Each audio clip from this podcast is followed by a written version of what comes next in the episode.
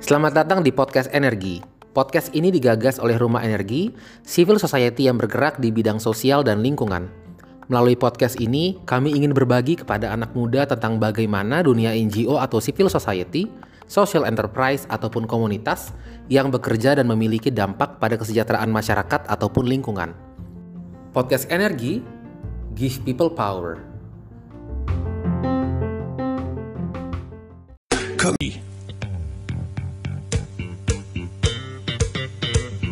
Mitra Andika, saatnya Anda ikuti Bisnis Interaktif Radio Andika yang dipersembahkan oleh Limbah tidak selamanya unfaedah. Yayasan Rumah Energi, organisasi masyarakat sipil non-profit, dengan visi memberikan akses masyarakat untuk energi bersih. Rumah Energi telah mengimplementasikan program pemberdayaan masyarakat untuk pengembangan teknologi melalui program Biogas Rumah, BIRU.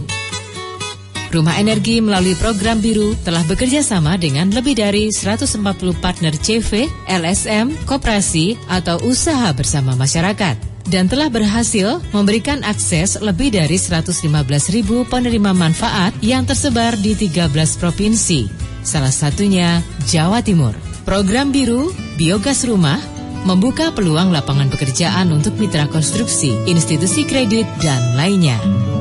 Mari olah limbah jadi berkah dipersembahkan oleh Yayasan Rumah Energi.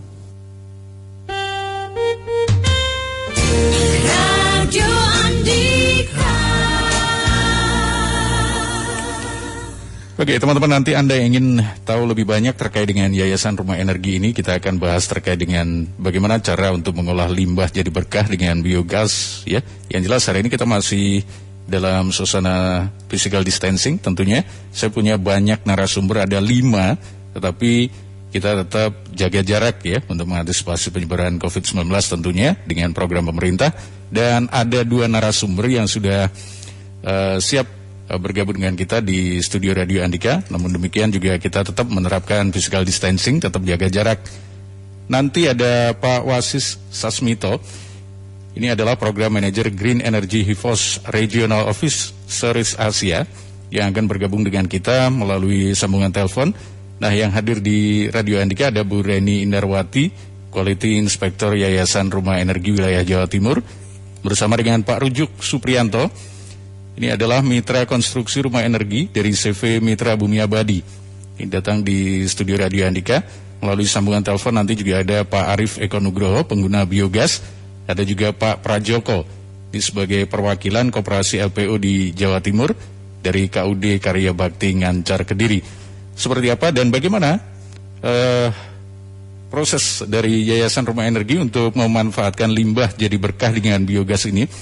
Satu garis besar teman-teman, Yayasan Rumah Energi ini adalah eh, organisasi masyarakat sipil non-profit yang memiliki visi untuk memberikan akses masyarakat Indonesia kepada energi bersih dan ketahanan pangan dalam upaya meningkatkan ekonomi kerakyatan.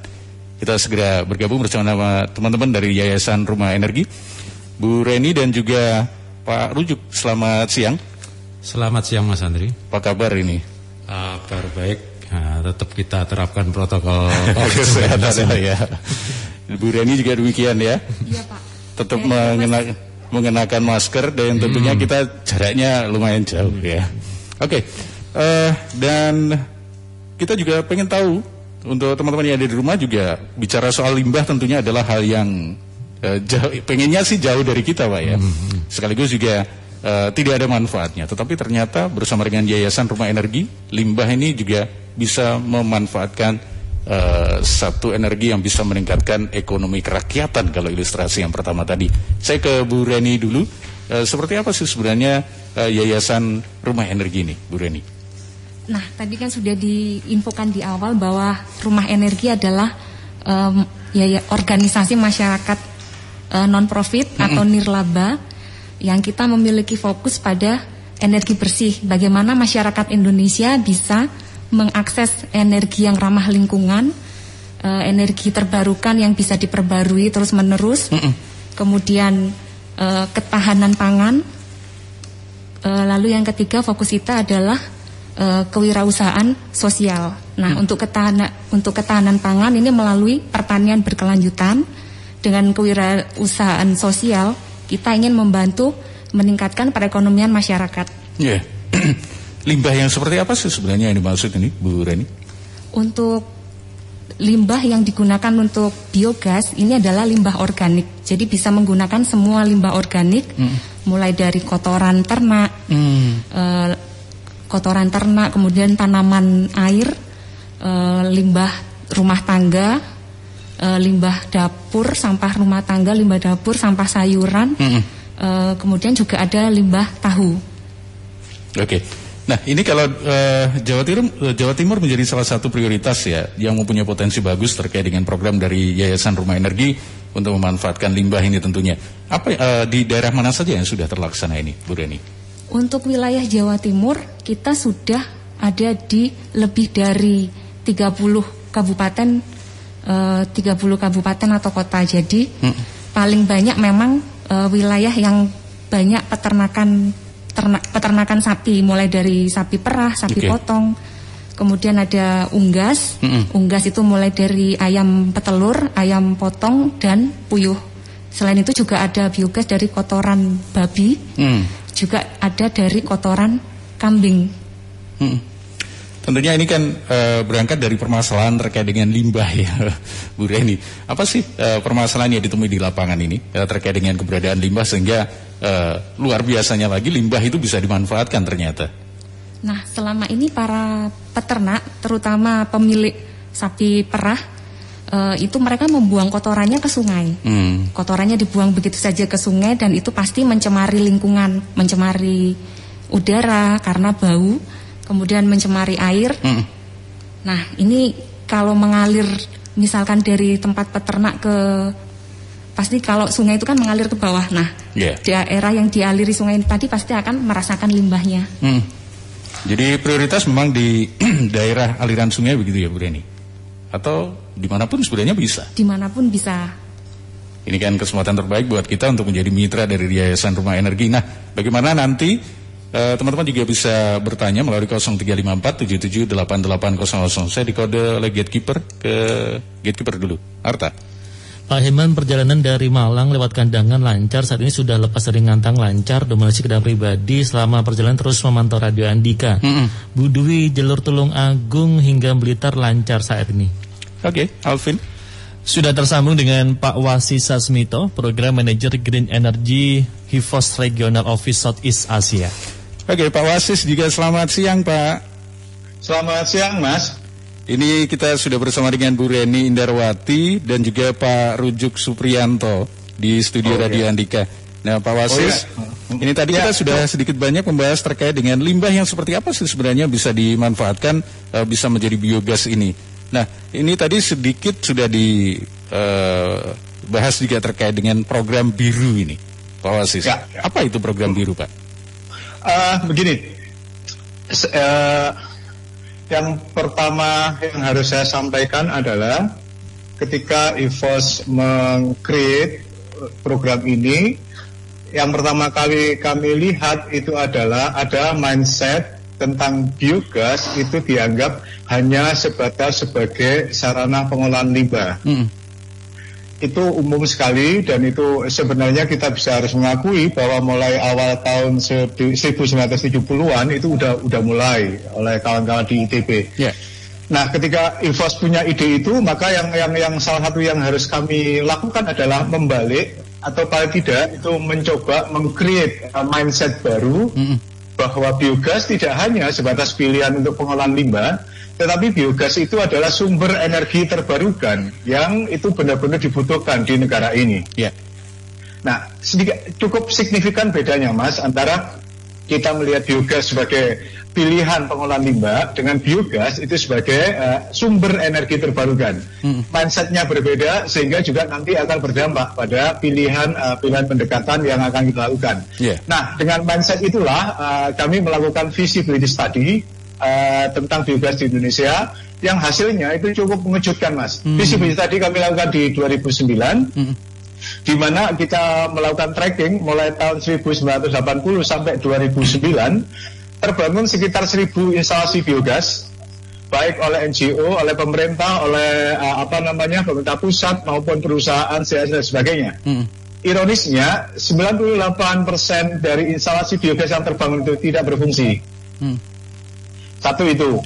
Yang kedua juga uh, kita melihat bahwa biogas sampai 2009 itu bukan menjadi uh, program utama dari uh, sebuah aktivitas yang dilakukan oleh lembaga. Yeah. Nah, kami ingin melakukan membalik biogas tidak tidak harus menjadi apa, apa bagian dari sebuah program, tetapi justru menjadi program itu sendiri. Hmm. Nah, oleh karena itu uh, kami kami sejak awal memang uh, men-set up program ini dengan sebut uh, dengan sebutannya Indonesia Domestic Biogas Program. Hmm. Lalu kami kami mencoba membuat branding dengan menyebutnya biru. Yeah. Kata biru sendiri itu uh, sebenarnya uh, kita maksudkan uh, itu mengarah ke warna api dari uh, apa namanya ya, yang dihasilkan oleh gas, gas tersebut, dari biogas. Ya? Mm -hmm. Lalu biru juga bisa menjadi singkatan dari biogas rumah. Mm -hmm. Seperti itu, Mas. Nah, lalu uh, yang juga penting perlu diketahui adalah sebelum program uh, apa Indonesia Domestic Biogas ini, maka semua biogas yang terbangun itu benar-benar full subsidi. Yeah. Tidak ada namanya, yang namanya pasar uh, biogas nggak ada, mas.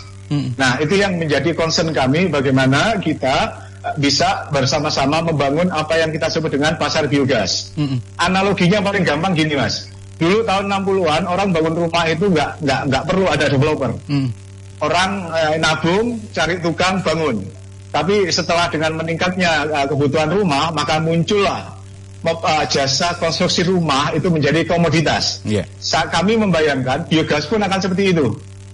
Hmm.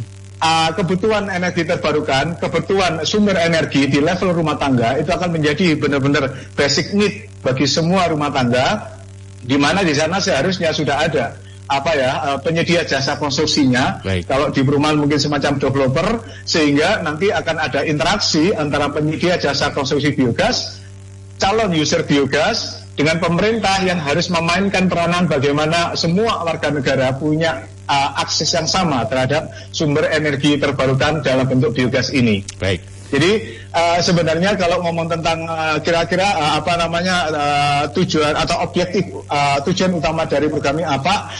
kami tujuan utamanya adalah bagaimana kita bisa membangun uh, pasar biogas di Indonesia, Mas. Tidak hanya berhenti di pada uh, di, di, di instalasi biogasnya, tidak berhenti pada berapa yang sudah berhasil kami bangun, tapi lebih pada bagaimana uh, kita bisa bersama-sama membangun uh, pasar biogas sehingga nanti uh, semua pihak yang terlibat, mulai pemerintah, multi multi finance institution termasuk bank di dalamnya lalu mungkin perusahaan-perusahaan yang punya program dan sebagainya mereka akan masuk semua mengambil peran dalam rangka bagaimana memperkuat pasar yang Baik. berarti juga akan mempermudah akses uh, bagi warga negara terhadap energi terbarukan. Oke, nanti seperti apa warga uh, warga seperti apa bisa memanfaatkan energi terbarukan ini? Pak Wasis juga akan terus Nanti Pak ya, nanti akan oh, menjelaskan okay. Pak ya. Okay. Kita break sebentar. Teman-teman yang ingin bertanya juga boleh nanti melalui 0354778800.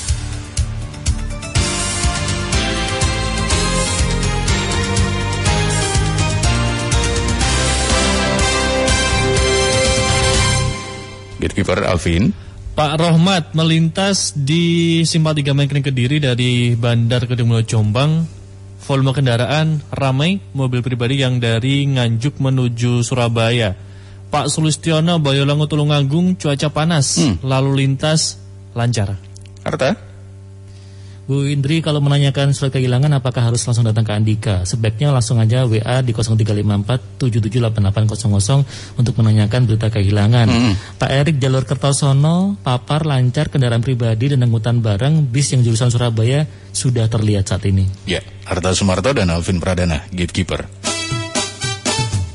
Radio Andika, informasi dan solusi.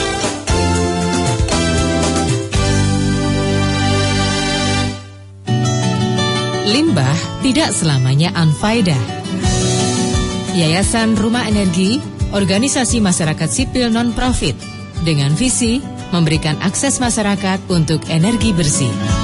Rumah Energi telah mengimplementasikan program pemberdayaan masyarakat untuk pengembangan teknologi melalui program Biogas Rumah, BIRU. Rumah Energi melalui program Biru telah bekerja sama dengan lebih dari 140 partner CV, LSM, koperasi, atau usaha bersama masyarakat dan telah berhasil memberikan akses lebih dari 115 ribu penerima manfaat yang tersebar di 13 provinsi, salah satunya Jawa Timur. Program Biru, Biogas Rumah, membuka peluang lapangan pekerjaan untuk mitra konstruksi, institusi kredit, dan lainnya. Mari olah limbah jadi berkah dipersembahkan oleh Yayasan Rumah Energi.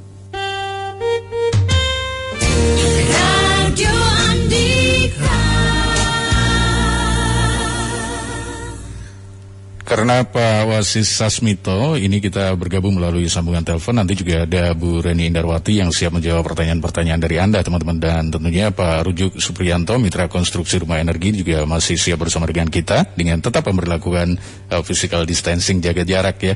Kita nanti juga akan uh, bersama dengan pengguna biogasnya. Seperti apa sih awalnya, terus kemudian bisa berbagi wawasan bersama dengan kita. Ika? Ya saat ini sudah tersambung dengan Pak Arif Eko Nugroho, salah satu pengguna biogas. Mm-mm. Pak Arif, selamat siang. Selamat siang, Mas. Ya, Injih, ini Anda tercatat sebagai pengguna biogas ya Pak Arif. betul, ya. Bagaimana pengalamannya selama ini dalam menggunakan biogas ini, Pak Arif? Jadi eh, pertama kali kita mengenal biogas, Mm-mm. kita langsung tahu biru. Biru. Jadi kita waktu itu ke kebingungan karena kita usaha peternakan sapi potong Mm. dan lokasi kandang kita berada di tengah pemukiman penduduk. Jadi kita bingung bagaimana mensiasati kotoran Kebutuhan. itu Oh, tidak kotorannya tahu ya. untuk Mm. hitungan. Kemudian kita mencoba googling dan kita menemukan biru. Setelah itu kita kontak, ketemulah kontak person Mbak Reni, Mm-mm. kita hubungi dan kita langsung dihubungkan dengan mitra pembangun yaitu Pak Rujuk. Iya. Tidak berapa lama kita dilakukan survei lapangan, satu minggu kemudian sudah dibangun dan setelah dibangun satu minggu sudah berfungsi dan kita rasakan manfaatnya. Yang pertama Iya. limbah tidak bau lagi karena semuanya dimasukkan ke instalator biogas itu dan yang kedua eh, kita tidak beli lagi LPG Mm. karena dari hasil tes yang dihasilkan oleh reaktor biogas itu sudah mencukupi untuk rumah tangga. Oke. Kalau mau disalurkan ke tetangga juga bisa. Hmm. Awal penggunaannya susah nggak sih, Pak Arif? Sangat simpel sekali. Hmm. Persis seperti L- eh, LPG itu. Iya. Tapi pada saat eh, apa yang membuat anda eh, memilih untuk bergabung bersama dengan teman-teman di Yayasan Rumah Energi ini? Selain tadi disampaikan kronologinya googling dulu gitu ya. Mungkin Iya, ada alasan betul. khusus Pak Arif. Ya mungkin karena nasib lah yang mempertemukan kita dengan biru. Tetapi pengalaman saat saya menggunakan biru dan dipertemukan dengan mitra pengguna yaitu Pak Rujuk. Pak Rujuk, ya. Pelayanannya luar biasa sekali. Alhamdulillah Jadi ya. beliau sering eh, melakukan pengecekan, kontrol. Bahkan ibaratnya kita konsultasi konsultasi aja kalau solusinya itu sebetulnya sudah ada di buku teknis penggunaan. Ya. Tapi beliau dari Ngancar ke ke Blitar itu langsung luntur.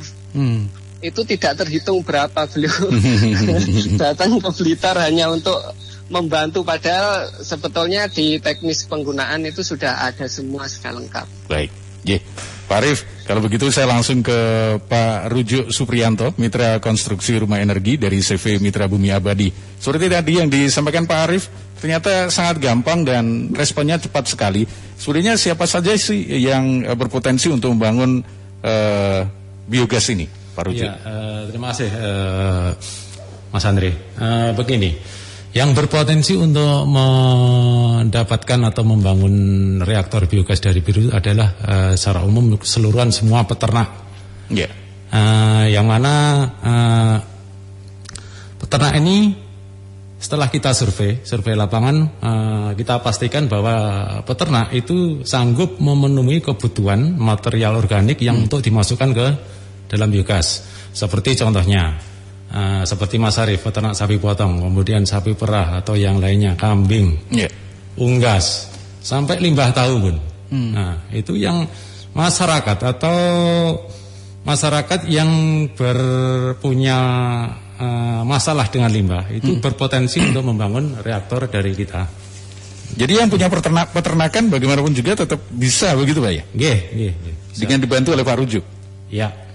Pak, tadi prosesnya bagaimana? Di awal-awal Pak Arif tadi menyampaikan cepat ternyata untuk pembangunan instalasi dan sebagainya. Bagaimana itu Pak? Eh, begini, eh, setelah kita mendapatkan eh, calon user atau pengguna biogas, eh, dia untuk berkeinginan untuk membangun reaktornya, eh, langkah awal yang kita eh, lakukan adalah kita survei lapangan dulu, Oke. memastikan bahwa dia punya tempat untuk membangun reaktor.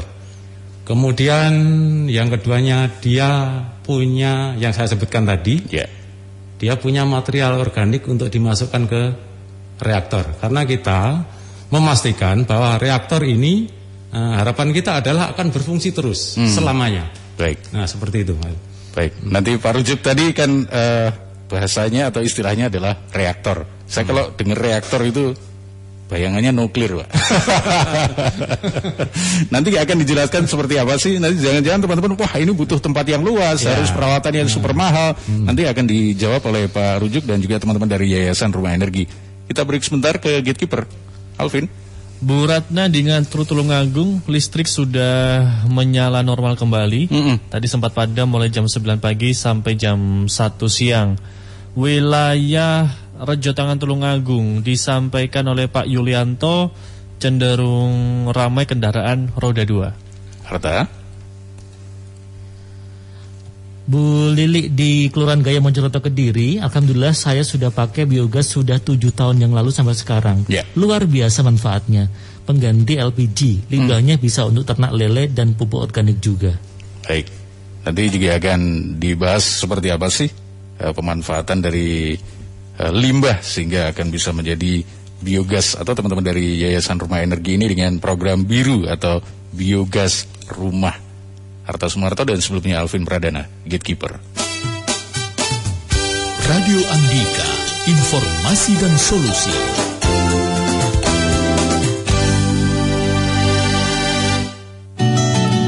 Limbah tidak selamanya unfaedah.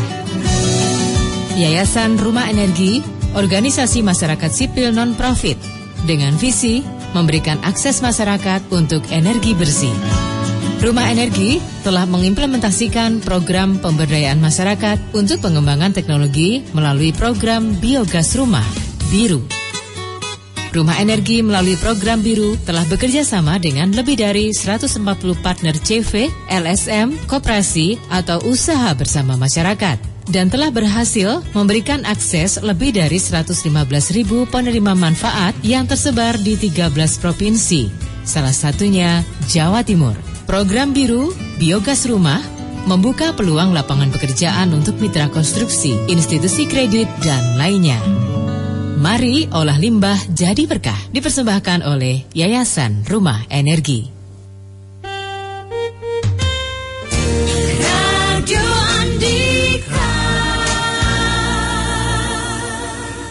Sekarang sesi untuk Pak Rujuk ini untuk menjelaskan teman-teman supaya lebih gampang dan gamblang untuk bergabung ini Pak. Untuk bisa memanfaatkan limbahnya menjadi bi- biogas ini. Eh, eh, Nuklir tadi Pak. Ya, untuk gini eh, Mas Andri dan para pendengar eh, Andika, untuk bisa membangun eh, reaktor biogas yang eh, mau kita bangun, dalam hal ini dari Biru ya, eh, kita membutuhkan untuk, ya ini kita bicara reak- reaktor Mas Andri, bayangannya. Jadi itu berupa iya. instalasi begitu Pak ya? Instalasi bebas yang kita bangun itu dek- ya kita eh, karena kita berfokus untuk biogas rumahan, Pak. Dari biru itu biogas rumah, jadi kita tidak membayangkan yang Besar-besar. luar biasa besar. Mhm. Nah, jadi kita punya ukuran dari beberapa yang kita bangun itu ada ukuran 6 gibik, 8, 10 sampai 12 yang paling besar. Oke. Kita ambil untuk yang contoh yang 6 gibik untuk kapasitas rumah tangga biasa. Nah, kita butuh lahan sekitar eh, tiga kali 6 meter sudah cukup Pak. Nanti kita tanam, Ya. Mas Andri itu. Oke. Nah kita butuh lahan segitu. Eh, kemudian eh, proses berikutnya setelah kita bangun selesai, tinggal kita eh, user itu tinggal memanfaatkan. Itu enggak butuh waktu lama, sekitar satu minggu kita bangun reaktornya sudah selesai. Mm-mm. Pak, ini apakah melihat eh, potensi di wilayahnya harus berupa di dataran tinggi, rendah, atau hanya mereka yang mempunyai ternak dan mempunyai material limbah itu aja, Pak? Eh, kita pastikan untuk semua eh, kondisi tempat ya, eh, sebetulnya bisa kita lakukan. Bisa saja, Pak, ya? Bisa saja kita lakukan. Nah, seperti kita sudah membangun mungkin yang di daerah pegunungan, saya membangun daerah Wonosalam itu dataran tinggi Di Jombang, ya? di Jombang itu juga tidak ada masalah. Kemudian di daerah Ngancar eh, juga tidak ada masalah. Di Blitar pun tidak ada masalah. Jadi kesimpulannya di semua tempat saya rasa kita bikin biogas itu tidak ada masalah yang eh, signifikan. gitu. Oke, tadi kan sudah dibahas terkait dengan limbah yang kita tahu adalah eh, eh, limbah ternak ya. Nah, kemudian ada juga konteks sampah pak ya. Ya, Ternyata ya. bisa juga diolah. Nah, sampah jenis apa yang bisa menjadi bahan eh, bahan baku dari eh, biomiru ini? Hmm. Eh, sebelum ke material sampah yang nanti kita gunakan, Pak, eh, saya perkenalkan dulu biomiru itu biomiru eh, itu untuk menjawab eh, reaktor-reaktor yang akan nanti digunakan kepada calon user yang tidak apa tidak punya lahan yang begitu luas.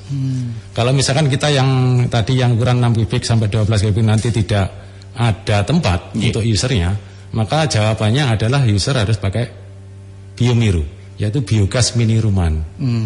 Nah itu kita pakai itu pak, ano Mas Mas Santri pakai eh, toren toren air itu. Jadi lebih murah dan material yang kita gunakan adalah eh, material sampah organik.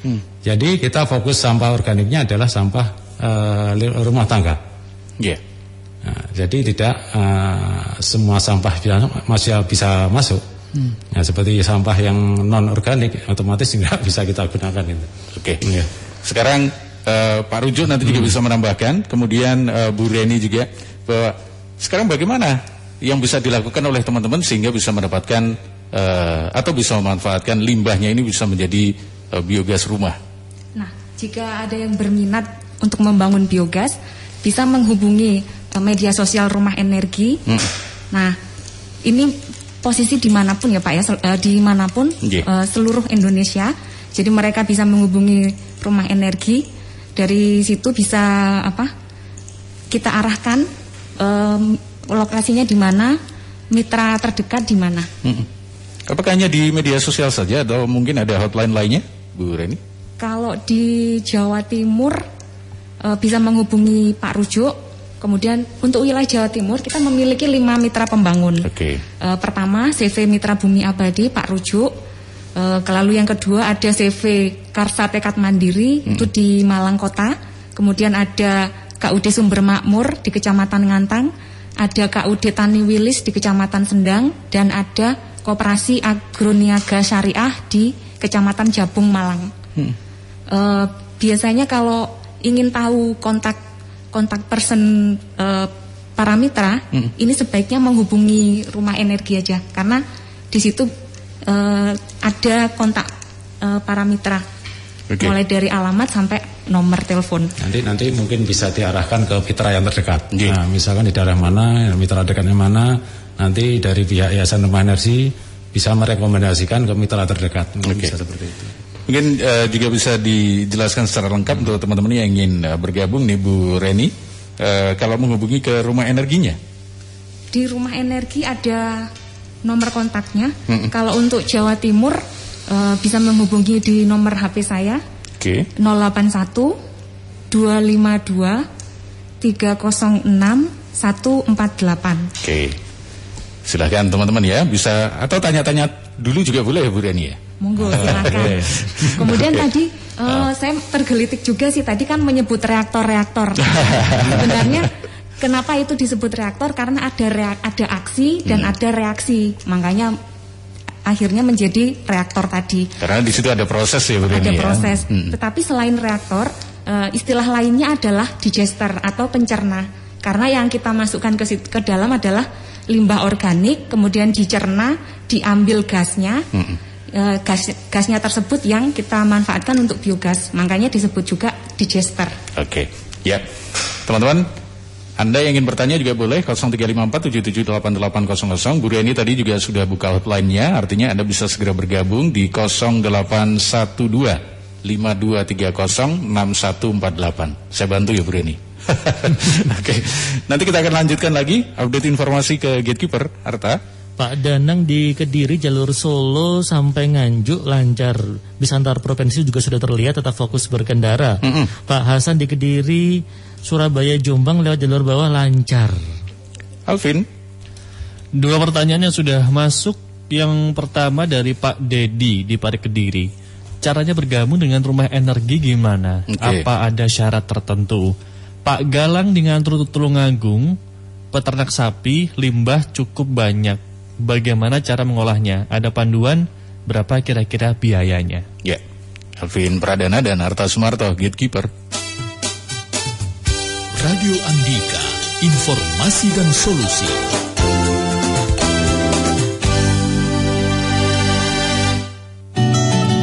Limbah tidak selamanya unfaedah.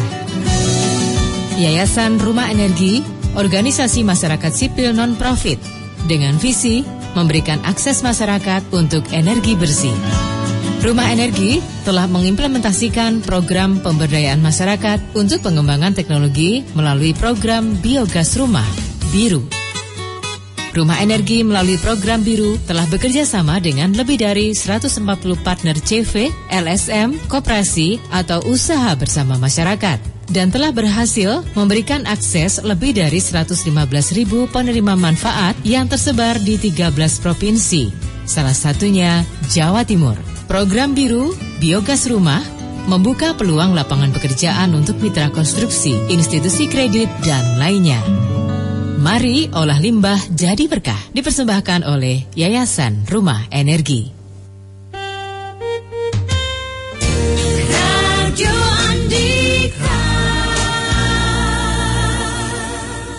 Teman-teman kita masih bersama dengan Yayasan Rumah Energi dengan program yang luar biasanya yaitu biogas rumah atau biru. Ternyata selain Anda yang bisa digunakan untuk konsumsi rumahan, ada juga dengan kelas yang eh, lebih eh, lebih kecil lagi dengan biogas mini rumah tadi biomiru dan yang jelas hari ini eh, kita akan bongkar semuanya bagaimana sistem dan ki- eh, cara kerjanya. Tidak hanya eh, rumah atau perseorangan ternyata ada banyak koperasi yang juga sudah memanfaatkan terkait dengan ini. Saya ke Bu Reni dan juga Pak Rujuk yang eh, menjawab pertanyaan teman-teman ini. Dari Pak Dedi dulu yang ada di Pare Kediri, mungkin bisa diulang lagi bagaimana cara untuk bergabung. Apakah memang ada syarat-syarat tertentu secara eh, teknis atau mungkin ada hal lain yang harus dipersiapkan?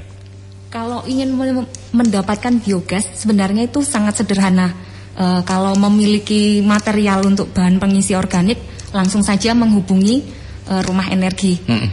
Nah, eh, perlu di perlu diingatkan juga, perlu kita sampaikan juga bahwa program biogas dari rumah energi ini tidak gratis. Ya. Jadi ini bukan bantuan hibah. Ada yang berminat kemudian kita bangun gratis, tidak seperti itu. Jadi eh, karena in- tujuan utama tadi kita adalah menciptakan ingin menciptakan pasar pasar biogas. Eh, maka dari calon pengguna yang berminat untuk membangun biogas eh, ini sistemnya ya harus menyiap- menyiapkan biaya harus membeli dari rumah eh, dari rumah energi sendiri melalui program biru kita menyediakan subsidi Ya. subsidi atau eh, apa ada bantuan eh, untuk mengurangi eh, apa ya untuk Total biaya yang dikeluarkan. yang harus Hmm. dikeluarkan. Eh, untuk masalah eh, harganya itu biasanya nanti tergantung dari material lokal yang ada di lokasi. Iya. Ah, perlu saya tambahkan untuk Silakan, Pak Rujo. Untuk calon pengguna yang mungkin memanfaatkan eh, jasa konstruksi pembuatan biogas dari biru. Ah, kita eh, karena ada standarisasi kualitas dari biru maka kita pastikan bahwa biogas yang nanti kita bangun adalah biogas yang 100% akan berfungsi optimal. Iya. Nah, jadi eh, karena kita menjawab eh, pengguna itu juga berinvestasi yang mungkin cukup besar. Nah, jadi untuk menjawab itu kita pastikan bahwa kualitas biogas eh, reaktor biogas yang kita bangun adalah bio- biogas yang berkualitas tinggi. Hmm. Nah itu terus juga kita akan lakukan layanan purna jual. Jadi setelah bangun tidak kita tinggal begitu saja. Jadi kita tetap ada monitoring. Eh, kita eh, juga ada garansi eh, selama tiga tahun untuk bangunan konstruksinya, untuk peralatan kita satu tahun. Ya. Itu Mas Andri ya. Oke. Pak Rujo eh, ataupun Bu Reni ini pertanyaan Pak Galang yang di Ngantru, limbah mungkin yang dimaksud eh, limbah yang seperti seberapa banyak sih yang bisa digunakan atau dimanfaatkan untuk eh, biru ini? Nah, jadi untuk biogas sederhananya hitungannya adalah eh, untuk ukuran biogas ini kan per volume. Kita menggunakan volume meter kubik. Per 1 meter kubik itu membutuhkan kurang lebih maksimal 10 kg kotoran. Oke. Jadi kalau di program biru biogas rumah ini ada biogas kalau biomiru tadi mulai dari ukuran eh, 600 liter, Hmm. 1000 liter sampai 2000 liter. Jadi per 1000 liter itu ekuivalen dengan 1 meter kubik berarti membutuhkan kotoran 10 kg. Jadi kalau eh, biogasnya itu 2 2 meter kubik ya 20 kilo nanti ber apa? eh, berjenjang ya sampai ukuran 12 berarti tinggal mengalihkan 10 kg kotoran. Baik. Atau nanti dihitungkan Pak Rujo ya? itu juga bisa. Jadi Biar gampang gampang. ya, Ya. jadi kalau mau membangun Ah. biogas yang perlu disiapkan pertama eh, lahan, lahannya eh, me- pastinya butuh lahan. Lalu Iya. yang kedua juga biaya. Lalu yang ketiga adalah bahan isiannya. Oke. Saya juga masih tanda tanya terkait dengan keamanan. Tapi nanti Pak ya. Ini kita Oke, teman-teman di Gatekeeper, Ika. Saat ini sudah tersambung dengan Pak Prajoko, perwakilan Koperasi LPO di Jawa Timur dari KUD Karya Bakti Ngancar Kediri. Iya, Pak Joko, selamat siang. Selamat siang Mas Andri. Apa kabar Pak Joko? Alhamdulillah. Baik, baik, Alhamdulillah. baik. Ini makin sukses saja Pak ya setelah bergabung bersama dengan teman-teman dari Yayasan Rumah Energi ya Pak. Iya, iya. Alhamdulillah. Bisa diceritakan Pak awal atau sukses pada saat awal pertama kali kerjasama itu bagaimana Pak? Eh, kami memang ada, ada PT Nestle. Kami dikoordinir oleh PT Nestle, diperkenalkan dengan biru dan seterusnya. Mm-mm. Dan itu terjadi di sekitar tahun 2009. Iya. Kami awali kerjasama dengan biru waktu itu. Oke. Awal kerjasamanya bagaimana Pak? Eh, kami kerjasama dengan Nestle. Mhm. Jadi semuanya tuh eh, begini. Ada subsidi kan waktu itu memang. Tapi khusus untuk peternak sapi perah yang eh, setor susunya ke kami, lalu kami setor jual susunya ke PT Nestle. Mm-mm. Tuh. Jadi awal-awalnya itu. Mm-mm. Dan itu ada subsidinya yang Ya. diberikan oleh Nestle waktu itu sekitar 2 juta waktu itu. Hmm. Nah, itu. Pak Joko, Sampai- maaf. Ya. Ya. Silakan Pak dilanjut Pak. Oke, kerjasama itu berlanjut sampai dengan ini 2016 kemarin. Mm-mm. Tapi yang program-program program yang gencar itu kami lakukan sekitar 2009 sampai 2011 itu. Mm-mm. Sampai dengan sekarang itu ada kurang tidak kurang dari 250 unit yang sudah terbangun di wilayah uh, wilayah kami kalau di karya bagi ngancar itu 250 unit Pak ya? kurang lebih segitu Hmm. bahkan mungkin lebih sekarang Oke. Pak, eh, bisa digambarkan manfaat sebesar apa sih yang bisa didapatkan dari bentuk kerjasama ini, Pak? dengan kerjasama semacam ini eh, yang jelas manfaatnya orang-orang sudah paling tidak menjaga lingkungannya yang dulu mereka pergi ke hutan atau ke mana mencari kayu bakar, otomatis mereka sekarang sudah menggunakan eh, biogas sebagai energi untuk masak, untuk penerangan Hmm. itu juga ada di situ. Jadi ada lampu khusus yang dipakai untuk penerangan di malam hari, bila mana mungkin kandang dan seterusnya itu. Tapi yang jelas dari penggunaan biogas, mereka-mereka sudah tidak LPG lagi. Hmm. Kita sudah mengandalkan biogas untuk masak sehari-hari. Mm-mm. Jadi ini bisa diandalkan untuk keseharian Pak ya? Ya, ya. Mm-mm. Untuk sehari-hari dipakai itu memang. Mm-mm. Sampai sekarang masih berfungsi itu. Sampai sekarang. Dan Ya. unitnya juga sudah eh, cukup banyak Pak ya. Kalau tadi disampaikan Ya. Pak Joko sudah kurang lebih 250 unit. Sekitar 250 unit. Selain itu, Ya. eh, lingkungan juga jadi bersih, kandang-kandang juga jadi bersih. Eh, artinya bau dari kotoran sudah berkurang sekali dari Mm-mm. Mm. Baik. ya itu. Pak Joko, terima kasih yang disampaikan ini dari perwakilan Koperasi LPU di Jawa Timur, KUD dari Kar- eh, KUD Karya Bakti Ngancar Kediri. Pak Joko, terima kasih Pak. Sama-sama Mas Andri. Sama-sama. Oke, selamat siang. Saya kembali ke Pak Rujuk ini. Ataupun nanti Bu Reni juga bisa menambahkan terkait dengan eh, manfaatnya sudah luar biasa. Dibuktikan eh, seperti yang tadi disampaikan Pak Joko, Pak ya. Kalau keamanannya bagaimana, Pak? Ini Eh. bicara gas loh masalahnya. Oh iya. Eh, begini Mas Andri, eh, untuk keamanan eh, kita berani menjamin ini 100% aman. Hmm.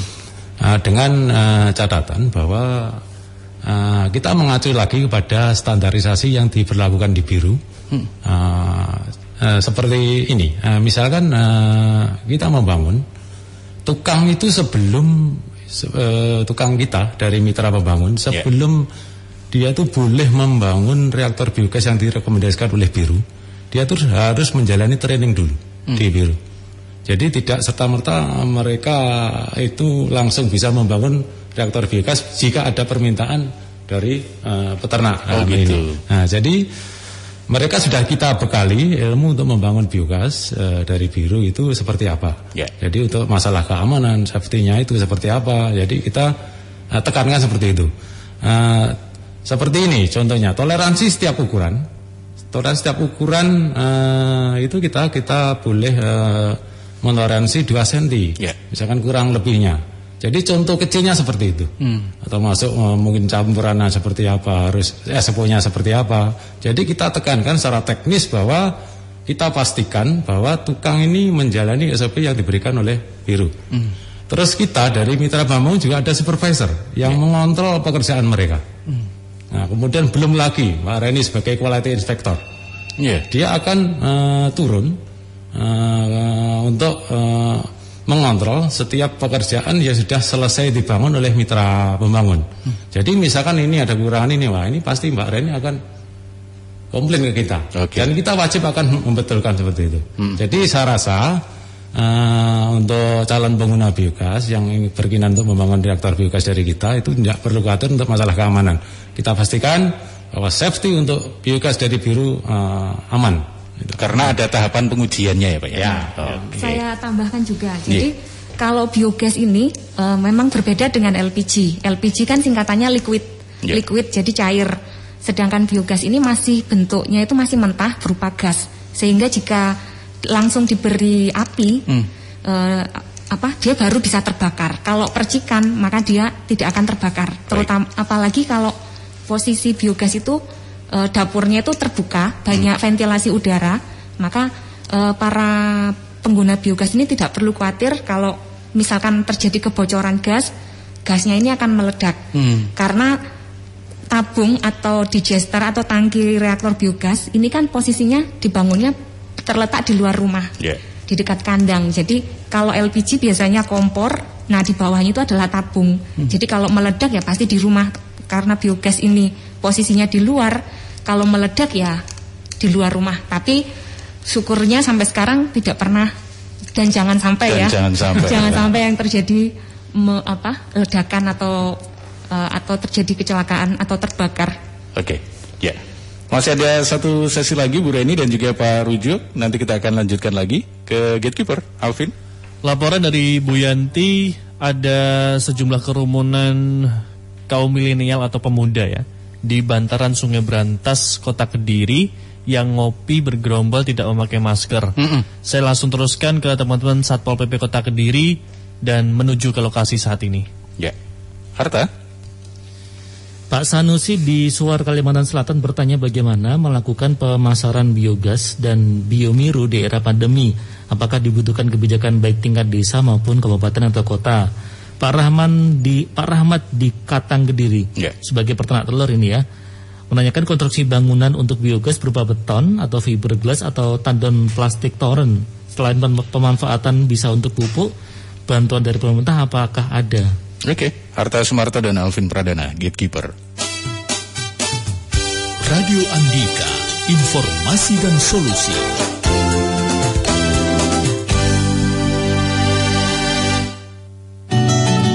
Limbah tidak selamanya unfaedah.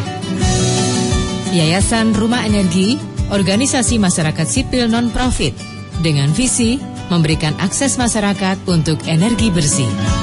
Rumah Energi telah mengimplementasikan program pemberdayaan masyarakat untuk pengembangan teknologi melalui program Biogas Rumah, BIRU. Rumah Energi melalui program Biru telah bekerja sama dengan lebih dari 140 partner CV, LSM, koperasi, atau usaha bersama masyarakat dan telah berhasil memberikan akses lebih dari 115 ribu penerima manfaat yang tersebar di 13 provinsi, salah satunya Jawa Timur. Program Biru, Biogas Rumah, membuka peluang lapangan pekerjaan untuk mitra konstruksi, institusi kredit, dan lainnya. Mari olah limbah jadi berkah dipersembahkan oleh Yayasan Rumah Energi.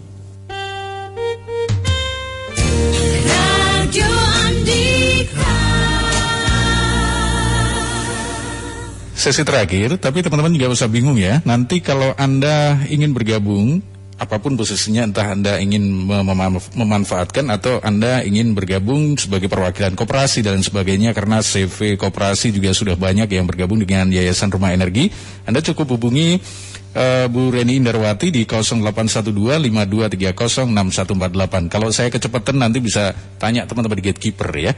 Oke, Pak Rujo dan juga Bu Reni, pertanyaan teman-teman ini sesi terakhir silahkan. Ini Pak Sanusi di Kalimantan Selatan. Di era pandemi ini bagaimana pemasarannya? Nah, untuk pemasaran biogas, eh, kalau sekarang kan zamannya online. Jadi sementara ya kita patuhi dulu eh, ini pemerintah. Kita promosi via sosial media, sosial media yang kita miliki. Kemudian eh, mungkin pakai video atau eh, video atau ap- apa ya, poster-poster yang bisa kita sebar eh, secara online. Dan insya Allah melalui Radio Andika nanti juga akan terus dilakukan. Nah, itu juga salah satunya bisa promosi eh, via Radio Andika. Ya, insya Allah. Oke, Pak Rujo, eh, ini eh, tadi teknis sekali ya yang ditanyakan Pak Rahmat yang dari Katang Kediri ini eh, sebagai peternak petelur. Pak, apakah eh, biogas ini berupa beton atau fiberglass atau tandon plastik toren itu bagaimana Pak? Ya, ya eh, eh, terima kasih eh, untuk eh, degister yang kita pakai, kita memakai fixed dome atau kubah beton. Jadi eh, kita fokus eh, menggunakan degister yang kubah beton.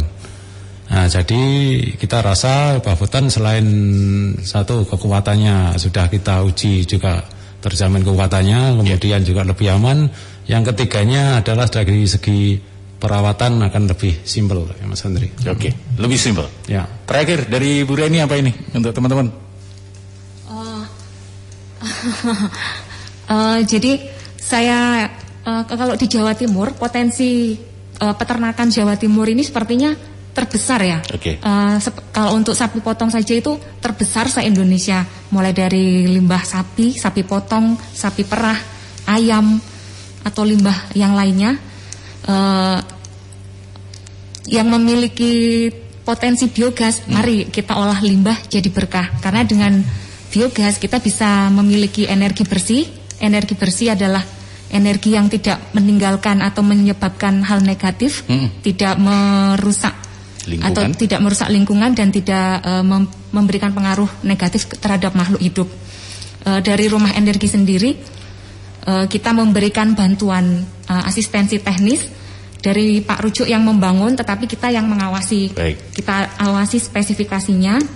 E, kalau ada masalah juga langsung kita sampaikan ke mitra pembangun, sehingga mitra pem- pembangun bisa segera e, memperbaiki biogas yang bermasalah tersebut. Baik. Terima kasih banyak Bu Reni Indarwati. Pak Rujuk juga terima kasih Pak Ya, sudah hadir di Radio. Andika. Yuk. Selamat siang.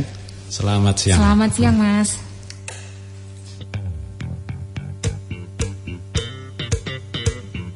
Baru saja Anda ikuti Bisnis Interaktif Radio Andika. Ikuti terus hanya di 105,7 Radio Andika.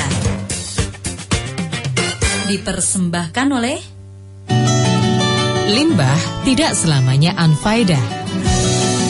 Yayasan Rumah Energi, organisasi masyarakat sipil non-profit, dengan visi memberikan akses masyarakat untuk energi bersih. Rumah Energi telah mengimplementasikan program pemberdayaan masyarakat untuk pengembangan teknologi melalui program Biogas Rumah, BIRU.